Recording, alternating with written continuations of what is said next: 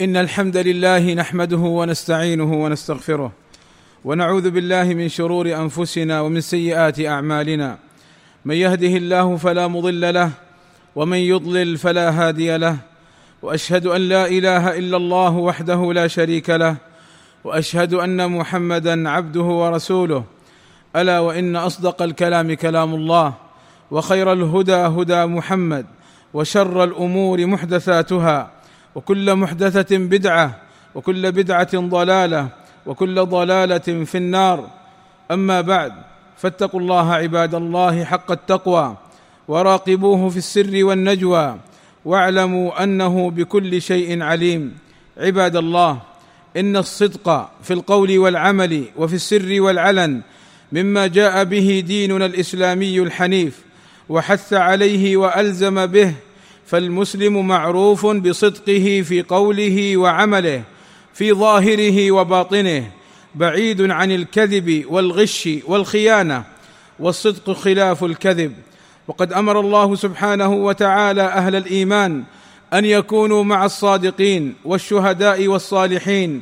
فقال تعالى يا أيها الذين آمنوا اتقوا الله وكونوا مع الصادقين وأخبر تعالى أن من صدقه فهو خير له فقال سبحانه فإذا عزم الأمر فلو صدقوا الله لكان خيرا لهم وأصدق كلمة قالها الشاعر شهد لها بذلك رسولنا صلى الله عليه وسلم حيث قال عليه الصلاة والسلام أصدق كلمة قالها الشاعر كلمة لبيد ألا كل شيء ما خلا الله باطل؟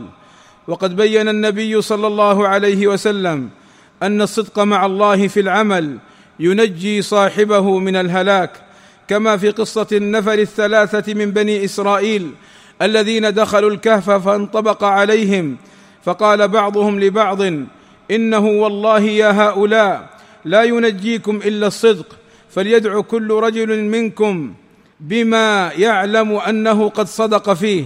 فذكر كل واحد منهم عملا صدق الله به ففرج الله عنهم فخرجوا.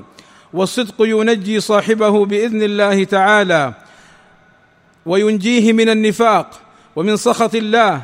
وقد أخبر الصحابي الجليل كعب بن مالك رضي الله عنه وأرضاه أن الله نجاه من النفاق والهلاك بسبب صدقه ويقينه وإخلاصه. كما في قصة توبته من تخلفه عن رسول الله صلى الله عليه وسلم حيث قال كعب بن مالك فلما بلغني أنه توجه قافلا أي راجعا حضرني همي وطفقت أتذكر الكذب وأقول بماذا أخرج من سخطه غدا واستعنت على ذلك بكل ذي رأي من أهلي.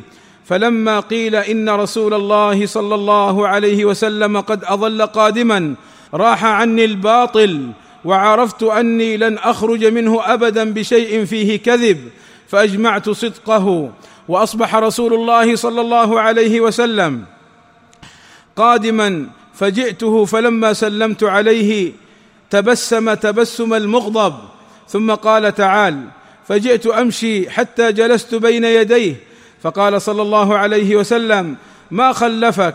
يعني ما الذي جعلك لا تلحق معنا في القتال؟ ألم تكن قد ابتعت ظهرك؟ فقلت بلى إني والله لو جلست عند غيرك من أهل الدنيا لرأيت أن سأخرج من سخطه بعذر ولقد أعطيت جدلا ولكني والله لقد علمت لئن حدثتك اليوم حديث كذب ترضى به عني ليوشكن الله أن يسخطك علي. ولئن حدثتك حديث صدق تجد علي فيه. إني لأرجو فيه عفو الله. لا والله ما كان لي من عذر. والله ما كنت قط أقوى ولا أيسر مني.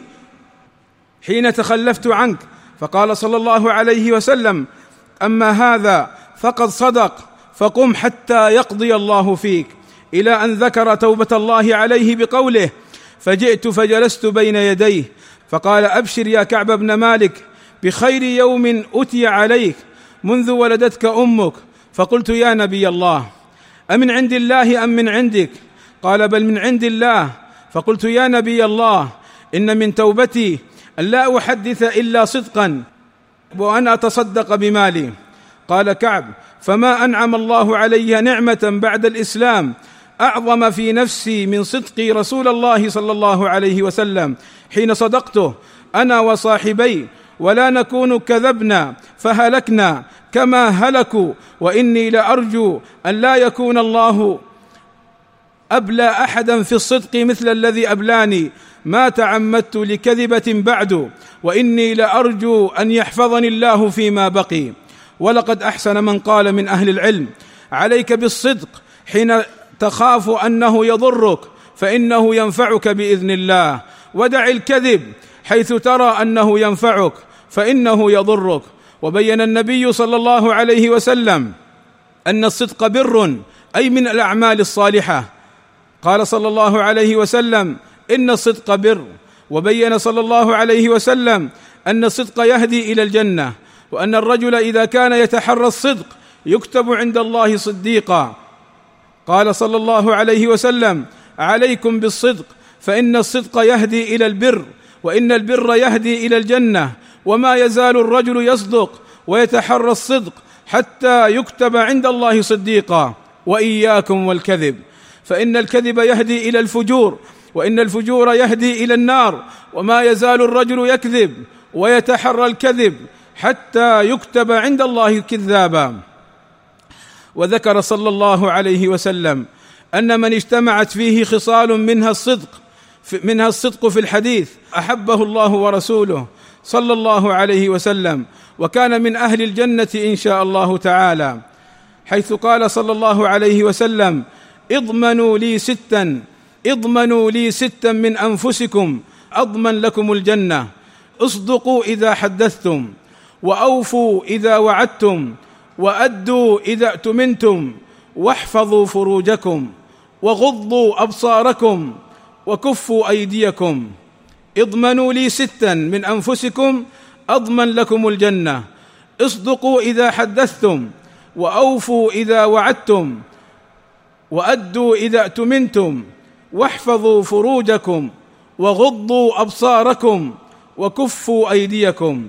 وقال صلى الله عليه وسلم إن أحببتم أن يحبكم الله ورسوله فأدوا إذا اؤتمنتم واصدقوا إذا حدثتم وأحسنوا إلى جوار من جاوركم. أسأل الله أن يوفقني وإياكم لما يحبه ويرضاه وأن يغفر لنا الذنوب والآثام والزلات. إنه سميع قريب مجيب الدعاء. الحمد لله رب العالمين. والصلاة والسلام على المبعوث رحمة للعالمين وعلى آله وصحبه أجمعين. عباد الله بين النبي صلى الله عليه وسلم أن أحب الحديث إليه من كلام الناس ما كان صدقا حيث قال صلى الله عليه وسلم أحب الحديث إلي أصدقه. وخير الناس التقي النقي الصادق اللسان. فعن عبد الله بن عمرو رضي الله عنهما قال يا نبي الله من خير الناس؟ فقال صلى الله عليه وسلم ذو القلب المخموم واللسان الصادق.